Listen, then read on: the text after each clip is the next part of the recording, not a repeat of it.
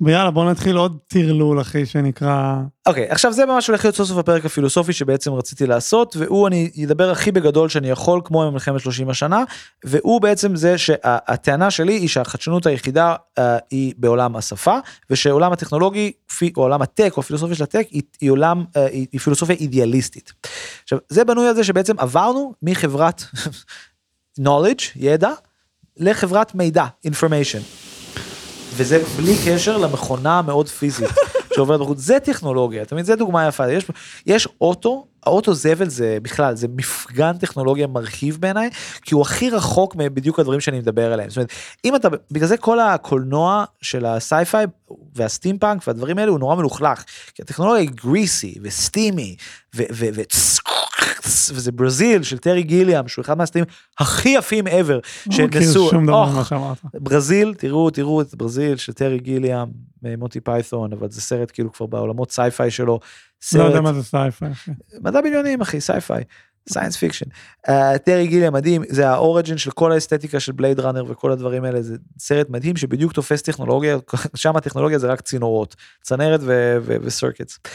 אבל אפרופו סרקץ, הטענה שלי ש, שזה מהפכה אידיאליסטית וקשורה לשפה, קשורה באמת גם להיסטוריה של, של, של קוד ולהיסטוריה של איך בעצם אה, ידע, ספרים, מילים בין בני אדם, הפכו להיות מספרים שמצרינים ומצליחים לאגור את הידע הזה, כן? זאת אומרת, היכולת שלנו לעגן ידע במידע הוא מהפכה שלא ניתן לתאר. זאת אומרת, היכולת לשמור דברים לא במילים כתובות, כן, בוא נחשוב על זה רגע, הוא דבר ענקי. פעם המילים היו כתובות בדיו. תחשוב על זה שנייה לעומק, דיו אין לו שום קשר למילים, ובכלל דיו הוא דבר מאוד מסתבר שמתכלה, והדפים, איזה מתח, כן? זה קשור למתח העמוק שיש גם בפרינט באופן כללי, כמו שדיברנו, אז גם פרינט הוא לא, הוא דבר מדהים, אבל הוא גם יש לו המון המון בעיות, כמו שנגיד הערות שוליים, הערת שוליים זה דוגמה מדהימה. הערת שוליים אומר לך תסתכל בעמוד הזה סמוך עליי, כן? לחפש משפט שמתחיל באבנים הם. בדיוק, בדיוק. אני בדיוק מקשיב לכל העונות שלנו אז אני זוכר. בדיוק, עכשיו, עכשיו זה בדיוק העולם הדיגיטלי נועד להסדיר ולפתור את הבעיות האלה שהיו קיימות בחומריות של, של הידע. הידע בשביל לשרוד היה צריך להיות נורא מטריאלי, והמטריאליות של הידע היא דבר נורא בעייתי, הוא דבר שנורא מעסיק אנשים. והמהפכה, לדוגמה, אני אקח דוגמה, מהפכה של, של, אה, מהפכה מאוד בסיסית, אבל מהפכה של כאילו, אה, לאגור מידע באופן אה, אנלוגי, כן, טייפים, מייקרופילמים, דברים כאלה, הוא, הוא דבר די מדהים, זאת אומרת, זה, זה המון טכנולוגיות שאנחנו לא זוכרים, אבל הם היו מהפכניות, כאילו, כל מיני סלילים וזה, דברים שאנחנו כאילו מין כולי, הדחקנו אותם, כן, כאילו, אבל זה, זה מהפכה ענקית שגם אנשים שהם מעל גיל 30, בעיניי זוכרים אותה. זאת אומרת, בעצם אנשים צעירים, הדבר היחיד שזכור להם מהסוגיה של איך שומרים דברים, היא זה שהם אולי זוכרים שיש דיסק אונקים בגדלים שונים. זאת אומרת, הדבר היחיד שאנשים מכירים, שאתה יכול לקנות אייפון בשתי גדלים. אתה מבין שכנראה גודל הוא עניין. אתה מבין? אבל פעם זה היה כל הפאקינג עניין. זאת אומרת, כל העניין היה How do you store information, וכשאנחנו מדברים על ואן אביר בוש, כן, ועל, והרעיון שלו של ממיקס, כן, הטכנולוגיה הזאת שהוא מדמיין בסוף אה, מלחמת העולם השנייה, ראש המו"פ הצבא האמריקאי, מדמיין desktop system, הוא מדמיין בעצם מערכת של information retrieval. וכל הוקטור הזה של, ה, של המהפכות הטכנולוגיות, או מה שאנחנו מכנים המהפכה הדיגיטלית, הוא המשך של מהפכת הידע, המעבר של ידע למידע. וה-information revolution קדם ל data revolution, כן? ועכשיו אנחנו באמת עמוק בתוך ה data revolution, זה קשור לעולם הדיגיטלי וכל מיני דברים כאלה. אבל אני רוצה שנורא נחזור למקום הזה, כי מבחינת פילוסופית, היה שם באותה תקופה, נקרא לזה בסוף המאה הקודמת ולקראת, באופן יותר מואץ, אה, לקראת המלחמת, כאילו, לקראת ואחרי מלחמת העולם השנייה, הרבה מהפכות פילוסופיות של שפה. זאת אומרת, בעצם המאה ה-20 גם הייתה מבחינה פילוסופית המאה של מהפכות בשפה. ואחד מהמהפכות הכי משמעותיות שקרו היא זה שהלוגיקה, כן, שפעם היה תחום של פילוסופיה של השפה, בעצם התנתק מפילוסופיה של השפה והפך להיות נחלתו של פילוסופיה של המתמטיקה. ובעצם הצלחנו לנתק בין השפה המדוברת, בין שפה טבעית, לשפה אידיאלית.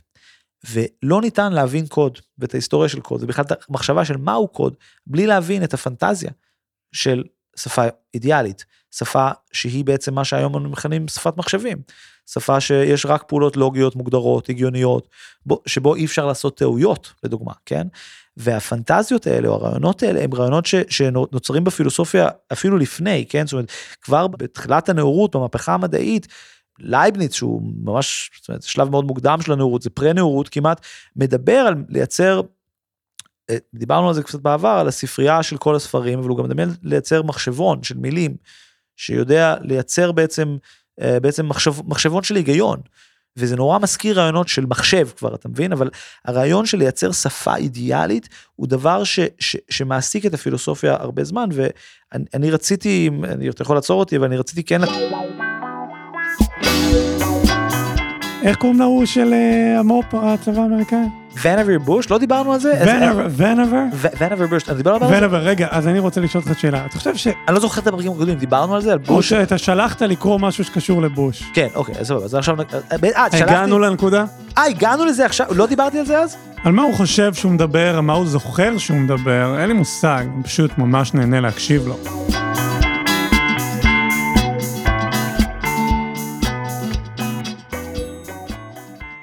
אוקיי, אז ונבר בוש. כן. ונבר בוש. שהוא הביא את ההסתכלות, הוא... אני, אני קולט שזה משהו שחוזר בהיסטוריה של, שהוא בא ורוצה, ל, מציג באיזה רומנטיקה את ה desktop ואת כן, ה... כן, דיברתי על זה, אני לא זוכר. לא, אמרת שתדבר על זה. לא, לא, אוקיי. אוקיי. לא, אני אדבר על זה, אני רוצה לדבר על זה עכשיו, ואז אני גם fucking אדבר על ויטגנשטיין, אחי, הולך להיות פה ויטגנשטיין, וככל שאתה מרחיק אותי מזה, זה רק יגדל. יהיה ויטגנשטיין וגם חוג ונאי. אתה דיברת על זה. אחי, הפאקינג ונפט הזה המציא את ה desktop, אוקיי? הוא המציא את החלונות, נכון? אני יכול לספר מי זה שנייה? טוב, תספר, כי היה לי יופי של נקודה. יש לי הצעה. תן את היופי של נקודה, ואז מעבר מוזיקלי, ואז אני אספר מי זה בוש. זה כבר סוגריים בתוך סוגריים. כי אני הולך לגזור אותך עכשיו, אתה בטח יהיה לך מלא מה להגיד. סע, סע, סע. אז רגע, בגדול ונבר המציא את ה desktop, נכון? נגיד, הוא הציע, כן, כן, אוקיי, נו, אוקיי. מה שאני רוצה לשאול אותך, כן. האם הוא ישב שם במוב, בסיקסטיז, לא יודע מתי זה היה. במלחמת העולם השנייה, ב-44. 44. 45. ודמיין שבסוף קצה התהליך, כל האירוע... יהיה אינקוגניטו ווינדו. האירוע... האירוע הנשגב הזה בסוף, מה שיהיה זה, זה לינקדין. שזה כאילו, בכלל, זה פרק שלם, אחי. תראה, זו שאלה מאוד, אנחנו תרשום את זה, אנחנו נעשה פרק לינקדין, אני מכור ללינקדין. אני מפחד שאתה תשכח את זה. לא, לא, תרשום את זה. כי לינקדין זה ה, ה, ה, ה, פורנו של תודה רבה, סיימתי עכשיו את... התקדמתי ל... קורס 14 זה כמו סינטולוגיה, אחי, מתקדמים שם ב cult, בסוף אתה מתאבד, אתה יכול לנצח את הלינקדאין ואז הם הורגים אותך פשוט. אתה פשוט צריך להתאבד בשידור חי, ועוד שולחים אותך לדיגניטס, אחי. אתה זוכה לחופשה בדיגניטס בשוויץ, עמוד בכבוד. תשמע, מי שלא היה בלינקדאין, או ככל... אם יש פה מאזינים שהם quote unquote הומנים, ולא היו צריכים לעשות את הסבל הזה של להיכנס ללינקדאין, זה באמת, זה, זה, זה אירוע, לא, זה cringe. הלינקדאין זה הפנופטיקון של פוקו, אם, היו, אם, אם, אם מישהו היה עושה את זה לא כבדיחה. זאת אומרת, אם היית אומר, אני רוצה לייצר מערכת מעקב, מוש... אין בעיה אדוני, יש לי בדיוק את מה שאתה צריך. כי זה מדהים, הרשת היחידה שדומה לזה, זה ה-VKontakte, זה הפייסבוק של, ה... של הרוסים. עכשיו, מה שמדהים בפייסבוק של הרוסים, שזה כאילו כמו פייסבוק, רק בלי הגדרות פרטיות. אין הגדרות פרטיות, ויש טכנולוגיה בלתי שאם את בחורה, את חייבת לפרסם תמונות אה, בביקיני, כי כאילו אם לא, את לא מקבלים אותך לרשת החברתית. כאילו, זה הדבר הכי degrading אז ככה זה הלינקדאין זה כאילו בשביל לשתף בלינקדאין אתה צריך לתת להם את כל המידע שלך. את כל המידע שלך עכשיו מה שמדהים בלינקדאין וזה הסיבה שזו רשת כל כך טובה.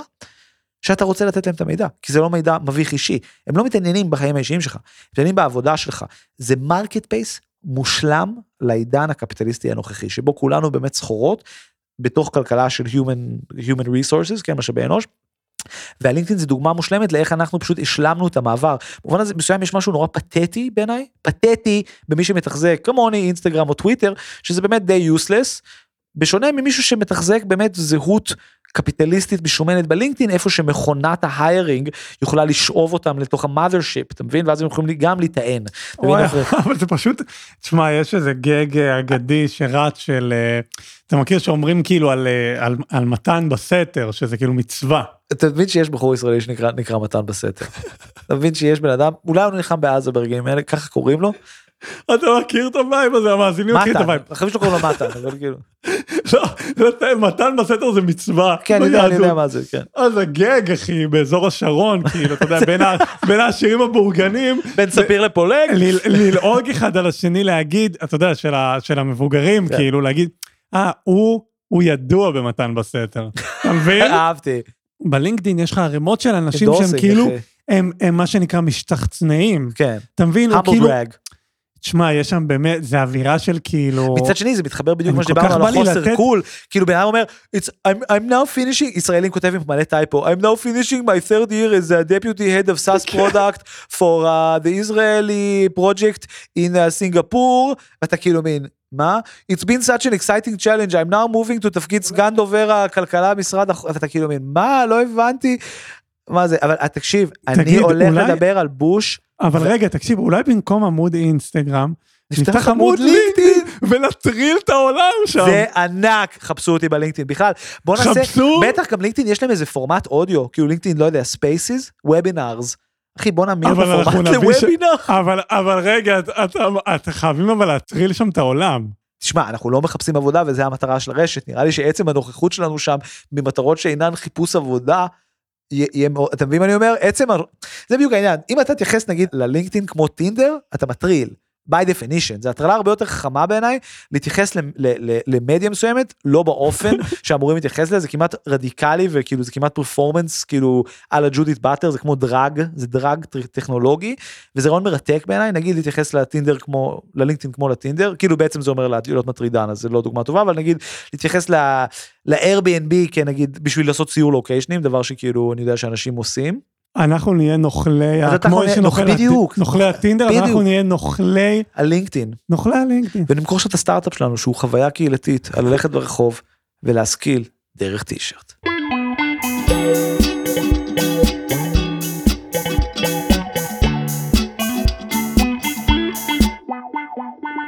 תגיד, אני יכול לדבר אה, עכשיו על ואנה וירבוש? כן, לגמרי. איזה דקה אנחנו, כאילו, כמה זמן יש לי? אה, בדיוק אמצע הפרק. אה, מעולה. אוקיי, אז בעצם אה, ואנה וירבוש, אני זוכר למה לא, לא דיברתי עליו, זה כי באותו, כמה ימים לפני זה הרציתי בשנקר ודיברתי רק עליו, עשיתי הרצאה כמעט רק עליו, ואז זכרתי שדיברתי על זה, פשוט זה לא היה מוקלט אחי לא היה עדים. אבל ונה ריבוש הוא בעצם ראש מה שאפשר לחשוב עליו כמפא"ת או משהו כזה זאת אומרת רוב או ראש המחקר ופיתוח או אגף הטכנולוגי של של הצבא האמריקאי.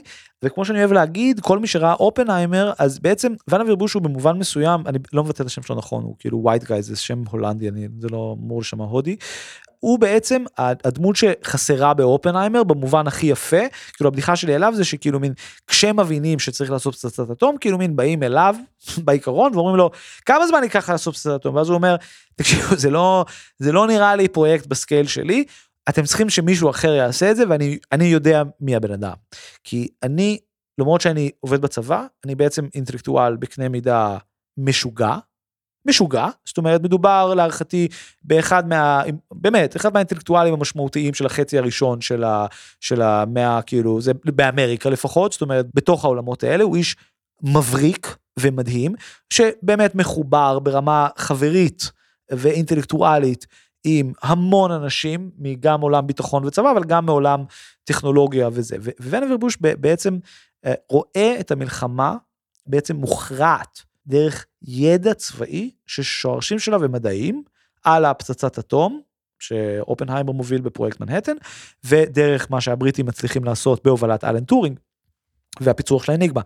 והדבר הזה יושב על בעצם מפעלי מודיעין ענקי, אבל גם מפעלי מודיעין ענקי ומפעלי איסוף מידע אה, ובעצם גם אה, עיבוד מידע מטורפים שנוצרו בזמן המלחמה. לשם הדיון יש ספר שתמיד אני ממשים מי שרוצה להתעניין בהיסטוריה של המחשבים יש ספר מדהים של אה, חוקרת היסטוריונית פילוסופית של הטכנולוגיה אה, פמיניסטית מרתקת בשם קת'רין היילס עם ספר שנקרא My Mother was a Computer שבו היא מספרת על זה שאימא שלה התפקיד שלה בצבא הבריטי היה לעשות חישובים. והיא הייתה חלק מחדר של נשים שעשו computing כן זה, זה כמו כמו calculating כן זאת אומרת, הם עשו חישובים הם עשו they computed things וביחד הם הרכיבו איזשהו מהלך מתמטי שאנחנו לימים נכנה אותו מהלך אלגוריתמי, כן? אבל בעצם בשלב הזה הם עושים, הן עושות חישובים ומנהל ממש את החדר הזה, שהוא במובן מסוים אפשר לחשוב על החדר הזה כמחשב, כן? שבו יש גם קומפוננטים אנושיים שחושבים ביחד, כן? בעצם אנחנו רואים הפשטה של תהליך המחשבה ובעיקר תהליך העיבוד מידע. וזה מתחבר לכל מה שדיברנו על הנושא בכלל של איסוף ולאגור מידע. ואחד מהפרויקטים המדהימים שנוצרים בעקבות הדפוס, בעקבות הדפוס, אנחנו עכשיו חוזרים 500 שנה אחורה, היא פרויקט לארגן מידע. אה, בגלל זה לי יש אובססיה על אנציקלופדיות, אבל יש המון ספרים שנועדו לאגד דברים. בכלל התחום, יש תחום מרתק שנקרא ספרנות, שנהיה נורא נורא נורא משמעותי במאה ה-18 ובמאה ה-19. Uh, בכלל, התחום של מידענות, כן? מידענות זה מקצוע. השאלה איך מארגנים את ה-Library of Congress, היא חתיכת שאלה מטורפת. המון מהארכיאולוגיה, שהעולם מתחיל להתפוצץ ואנשים מתחילים לאגור דברים שהם אוספים ובוזזים, כן, שאנשים כמו רוקפלר וכל מיני מגלי עולמות ודרווין גונבים מהעולם שהם מסתובבים בו, מתחיל מפעל, מפעל של קטלוג. כן? הצורך לסדר מידע ולסדר ממצאים הוא דבר נורא נורא משמעותי ונוצרים המון שיטות אינדקס. והשיטות אינדקס האלה אה, נגיד השיטה שמכונה ה-Dewey Decimal System שמשתמשים בה ברוב הספריות האחד נקודה כאילו השיטת נקודות האלה. Dewey, sorry, לא decimal system, זה כאילו index system, היא נוצרת הרבה לפני מחשבים, זאת אומרת, היא נוצרת בשביל אשכרה כרטיסיות, כן? וואנה וירבוש בעצם הוא בן אדם שגדל בעולם שיש מהפכה של מידע. היא פשוט לא מהפכה דיגיטלית, כן? היא לא של כוננים, היא של כרטיסיות, ושל חישובים, וחישובים שמתחילים להיות גדולים. ובכלל, המפעל המו"פ האמריקאי שהוא מוביל הוא מפעל סופר אינטלקטואלי. זאת אומרת, הם תומכים בהמון מדע, ונוצר ים בידע, כן? ידע קריפטוגרפי לדוגמה, זאת אומרת, מה שהצבא הבריטי עושה, מה שאלן טורינג מוביל עם, עם האניגמה, זאת אומרת, מי, ש, מי שקצת מבין בהיסטוריה של מחשבים, זאת אומרת, אי אפשר להסביר כמה משמעותי המתמטיקה שבאה מזה, זאת אומרת, זה באמת במובן מסוים הבסיס לקוד, לקוד, זאת אומרת, זה הבסיס למחשבים, זאת אומרת, אמיתי, כאילו, באופן כמעט חד חד ערכי, כאילו, זאת אומרת, המכונת טורינג והתובנות שלו על קריפטוגרפיה הן משמעותיות in the long run מסיבות קטנות וגדולות, וזה פועל יוצא של השקעה ביטחונית. ואנה וירבוש מנצח את מלחמת העולם השנייה, סבבה? והוא מפרסם באוגוסט 45 אני חושב, או לא בדצמבר 45 אחרי המלחמה, אבל 45 ממש כמה חודשים אחרי סיום המלחמה שער במגזין אטלנטיק היוקרתי שיוצא עד היום כן? מוסד מוסד אמריקאי מכובד האטלנטיק יוצא בעצם מאז אה, מלחמת האזרחים במטרה להתנגד לעבדות. מגזין אינטלקטואלי והוא מפרסם שם שער שנקרא as we may think כפי שאנחנו חושבים. אבל לא במובן של ככה אני חושב אלא באופן שאנחנו חושבים. והוא מציע שם מערכת של information retrieval שהוא מכנה אותה הממיקס, M-E-M-X, memory index, הוא המציא מילה, תכונה שלימים תהפוך לתכונה מרכזית בטק. הוא לוקח שתי מילים ומחבר אותם ביחד, יש עוד אותיות כמו E, בעתיד זה כבר יהיה רק נכון, אני יודע אם זה חברת הייטק ישראלית זה היה נקרא MMX. כן, אז הוא עוד, הוא קורא לזה, הוא בעצם עושה ניאולוגיזם, הוא יוצר מילה חדשה. ממיקס memory index והממיקס היא מערכת information retrieval שבו אתה יכול לגלול במייקרופילם ובעצם איזושהי שיטה ל, ל, שהייתה מאוד נפוצה בארכיונים ובספריות יכול לדפדף ב, ב, ולחפש בתוך בעצם מה שהוא תפס ככל הידע שיש בעולם. ואז אתה יכול לחפש אותו ולשמור אותו בתיקיות. וכל החיפוש שלך יעשה דרך סוג של חלון. ואתה תוכל בסוף לשמור את, בעצם את כל החיפוש שלך, היסטוריית החיפוש שלך, בתוך סוג של פייל שבו אתה תשמור את כל ה-other documents שמצאת. אבל האקסיומה שעומדת בבסיס של, ה, של הממיקס היא, היא זה שבעצם סיימנו ללמוד את כל מה שניתן ללמוד, מפה זה רק רעש במערכת, ומה שצריך לעשות זה לפתור את איך מוצאים את המידע. זאת אומרת, בעצם ואניבר בוש עד לרגע מונומנטלי בהיסטוריה האנושית. זאת אומרת, הוא אחד מהאנשים הראשונים להבין שהגענו לתוך האייד של ה big knowledge, או ל big information, לא, בדיוק big data, אבל big information. ויש יותר מידע, יודעים יותר ממה שאף בן אדם יכול ללמוד. עכשיו, זה מחשבה שנורא מטרידה אנשים המון שנים, כבר לייבניץ מוטרד מזה, וזה שיש יותר ספרים ממה שאפשר לקרוא וזה, אבל הוא כבר, היחס שלו לזה הוא אחר לגמרי, כי הוא לא פוחד מזה כבר, הוא אומר, זה בעצם נפלא. זאת אומרת, זה נפלא. אנחנו באמת כמו אופנהיימר, אנחנו כבר פרומטאוס, זאת אומרת, אנחנו בעצם פיצחנו את סודות העולם, אנחנו יודעים הכל. אבל אין לזה שום משמעות, כי אני לא יכול למצוא את זה. השאלה היא רק איך מארגנים את המידע ואת הידע בשביל שהוא יהיה רלוונטי לאנשים. אם הוא יהיה בתוך מיליון 10 מיליון, 11 מיליון ספרים, 200, אלף pape, 200 מיליון פייפרים מדעיים, זה לא עוזר לאף אחד. הפרוי, הפרויקט הוא עכשיו של אינטגרציה וסידור information. בלי זה אנחנו אבודים. ויש משהו בתובנה הזאת שהיא מטורפת, כי הפתרון שלו לזה היא desktop system, שבו אתה מדפדף דרך חלון והוא משתמש במונח של desktop, כן? והוא מביא את זה לשולחן שלך, וה... החזון של האיש הבאמת באמת יוצא דופן ומבריק כזה, הוא, הוא פועל יוצא של, של תובנה לא טכנולוגית, זה, זה בדיוק הנקודה. זאת אומרת, הוא מדמיין טכנולוגיה, אבל התובנה היא, היא אינטלקטואלית, אתה מבין? זאת אומרת, היא, היא שפתית. הוא מבין שצריך לארגן את האופן שאני מחפש ומוצא ידע, וצריך להתאים אותו לאופן שבו הידע כרגע שמור כמידע, וזה בעיה, והוא אומר צריך מערכת שתפעל as we may think.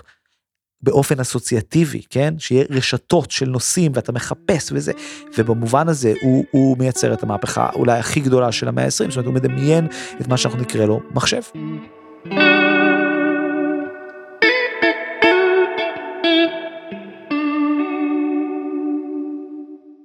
תשמע, רגע אגדי, רגע אגדי כאילו לסגור את הפרק. זה לא mother of all demos, כן? זה, זה ונובר בוש והממיקס ואז we may think, מאוד ממליץ על הטקסט הזה דרך אגב. מרגיש אבל שלא עבר מספיק זמן בשביל שנעש, כאילו עבר 20 דקות. לא לא זה טוב, אני, אני, אני דווקא אני לא בעד לסיים עדיין, כי אני חושב שיש עוד טיפה מקום לדבר על בוש בהקשר של כל הצד הפילוסופי שבאתי לחפור עליו. תשמע, אני שמעתי את הפרק של אה, זו דעתי על כל פנים, mm-hmm. ושמתי לב שבנוכחות מיכל, יש לך יותר דרור לכאילו וולגריות וטינופים. Mm. ופה, בחברת נכון, שני גברים, אז אתה כאילו מין אני... מחזיק את הסיטואציה. זה נכון. אבל היה שם רגע קורע שאתם דיברתם על אה, ביל קלינטון. כן. אז היא עושה לך, היא אומרת משהו כמו, אמרו באיזה מאמר, מישהו אמר שביל, אה, באיזה כתב תביעה, לא משנה, שביל אהב אה, צעירות. אז אתה עושה לה כזה, כן, כאילו, ביל אהב צעירות. כאילו, כן, ביל אהב צעירות, מה הבעיה, כאילו? שמע אותי מצחוק. עזוב אתה לא מטנף פה, רק פה אתה מביא לי וואנבר, אה, אה, צ'אנקים של עשר דקות אחי, על הרומנטיקה של החלונות. דבר איתי על שטחי מרעה אחי. אתה רוצה לעשות פרק על פורנו אחי? אני רוצה לעשות פרק על אה, ביל קלינטון אחי. ביל קלינטון הוא דרך אגב בעיניי דמות שלא ניתן לנתק מההיסטוריה של הטכנולוגיה כי... אבל הוא אהב צעירות אחי. הוא בעיקר אהב להטריד את ה interns שלו. ביל קלינטון בשנייה שהוא נכנס לפוליטיקה. הוא מתחיל להטריד באופן פשוט insane, הוא באמת שקס טורף מיני, אין דרך לתאר אותו, הוא אוהב צעירות, הוא אוהב, הוא אוהב את כולם, הוא אוהב להשתמש בכוח שלו בשביל באמת, זה, זה מטורף, ומה שמדהים, וזה כן קשור לטכנולוגיה, זה איך ב nineties זה הופיע כחדשנות גם. אתה מבין מה אני אומר? גם ההטרדה הופיעה כחדשנות? כן, כן, זה מה שאני, זה, זה, אני גדלתי באמריקה אז אני זוכר את זה. שמתפוצץ סיפור מוניקה לווינסקי, עזוב שלא היה MeToo. כל ה vibe היה, ככה אני זוכר את הסיפור. יש נשיא ממש צעיר ומגניב שמשתמש באינטרנט. ויש ימין שמרני שלא אוהב את זה שהוא בוגד באשתו. אז הם מדליפים לתקשורת שהוא מנהל רומן כבן אדם בוגר עם אישה בוגרת. ולך תדע איזה הסכמות יש לו עם אשתו. ככה אני זוכר מה nineties את הסיפור, ואז אני זוכר שזה נהיה מה שלימים אני מבין שצריך לכנות slut shaming נגד מוניקה לווינסקי אבל הסיפור מתפוצץ בגלל רואים את זה נורא יפה בסדרה American אה, true, true crime story בגלל המצאת האינטרנט זאת אומרת אתר אתר Drudge Report מתפוצץ ומצליח כל האתר כל הימין הביזארי האמריקאי של האינטרנט מה שלימים יהפוך להיות QAnon פרה פוקס ניוז עוד בטירופו הנוכחי מתפוצץ שם. זה fucking 94 5 6 אל גור נחשב דמות מהפכנית כי הוא אומר information super highway on the world wide web. ביל קלינטון הוא הנשיא שאומר מחשב לכל ילד הוא מחבר ילדים לאינטרנט והוא נתפס כדמות חדשנית שהשמרנים רוצים לעצור. בגלל שהוא hip young הם לא אוהבים שהוא מנהל רומן. אחי הוא לא מנהל רומן הוא ניצל את הכוח שלו כנשיא בשביל להטריד כאילו fucking interns ואז בשנייה שזה הסתבך הוא כאילו מין הדליף נגדם בתקשורת זה נורא וזה קרה מה שמדהים שוב ושוב ושוב ושוב ושוב עדיין אני אגיד שאני יותר מעדיף את זה מאשר ביבי. אני מעדיף בן אדם ב vibe ג'פרי אפשטיין שאני מבין כאילו מה ה guilty pleasure שלו מאשר בן אדם שאני לא מבין מה ה guilty pleasure שלו. זהו. מה, תרחיב.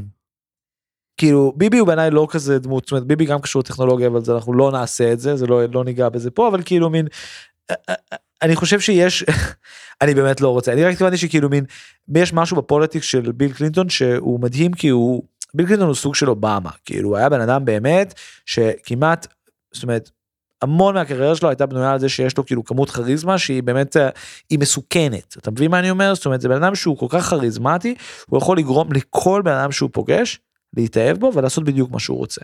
ובגדול הוא בן אדם ממש טוב, כאילו הוא פשוט גם במקביל לזה בן אדם תאב כוח בצורה בלתי רגילה, לכן הוא נהיה נשיא ארצות הברית. הוא בגדול יודע כמו אובמה לשדר את הווייב שהוא לא רק תאב כוח אלא רוצה לעשות גם דברים טובים. פשוט ברור שכשאתה כל כך נרקסיסיסט וכל כך חזק יש לך גם צדדים מאוד אפלים. עכשיו ביבי הוא בן אדם שדומה במובן מסוים ביבי גם הכהונה הראשונה שלו בישראל בגדול מבוססת אסתטית על הכהונה של ביל קלינטון הוא, מייבא את הפורמט של ה-first family לישראל ממש מעתיק את האסתטיקה של הקלינטונים שרה היא ממש בתפקיד הילרי ברמה אסתטית ברמת הסטיילינג כאילו תסתכל על התמונות מאז אה, ממש לוקח מהם השראה ומנסה להביא את הווייב הזה של נשיא צעיר הוא רוכב על הגל הזה שקלינטון נבחר בשביל להיבחר להיות גם מאוד צעיר ולהיבחר פה. ופשוט יש משהו בביבי שהוא בשונה מקלינטון אניגמטי שאתה אומר מה הוא משיג מזה? כי אתה מסתכל על כל החקירות של התיקי 2000 אתה אומר לא הבנתי בשביל כאילו 150 אלף דולר בכאילו שמפניה. אתה מבין? זה, זה שחיתות בשביל סיקור יותר טוב אתה מבין? זה, זה שחיתות מאוד עלובה אתה מבין? נגיד אהוד ברק השמועות הוא שהוא מקבל מיליון דולר מג'פרי, אתה מבין? זה כבר כסף, אתה מבין? ביבי, אף אחד לא אומר שביבי קיבל מזוודות של כסף, אתה מבין? זה לא נשמע כזה שווה. אתה היית רוצה גלידת פיסטוקים בכאילו 250 אלף שקל? אתה מבין מה אני אומר? אתה רוצה שמפניה, זה, זה, זה עלוב, אתה מבין? אתה קצת, it's hard to get what gets ביבי going, אתה מבין? הוא לא אוהב זיונים, הוא לא אוהב כאילו סמים, הוא לא אוהב אלכוהול בדיוק, הוא קצת אוהב כוח, אבל הוא גם, הוא לא אוהב את זה בדיוק במובן הדפוק של המילה, הוא דווקא אוהב את זה באיזה מובן קצת פתטי. כאילו מוכן לעשות הכל בשביל להישאר בשלטון ויש בזה משהו נורא מפחיד כי בסופו של דבר זה חוזר כן על הקה ועל הרעיון הזה שהמשוגע היחיד הוא המלך שבאמת חושב שהכוח שלו זה מאלוהים וביבי קצת מה שמפחיד בו זה שהוא לא עושה את זה בשביל משהו חוץ מזה שהוא כנראה באמת חושב שהוא הבן אדם הכי טוב לתפקיד והוא חושב שבאמת יקרה משהו רע אם הוא יעזוב זה פשוט מחשבה משוגעת להחזיק בה כשאתה הוא אבל זה כאילו הוא כנראה מאמין בזה. אני רוצה לעשות עוד פרק על, ויטקינשטיין ועל פילוסופיה של השפה, כי אני חושב שזה נושא נורא משמעותי. את הפרק הזה אתה רוצה לסכם מקלינטון ועד לינקדין? משהו להגיד? לא, לא, אכלנו יותר מדי. אכלנו את הרס. עד כאן, היסטוריה אינטלקטואלית גסה, תודה רבה לעומר בן יעקב ולהקת בסיסטיות על המוזיקה המקורית, ולביל. לי קוראים דור קומט, אני ערכתי והפקתי את הפרק הזה. נשתמע ממש עוד שנייה, יאללה ביי.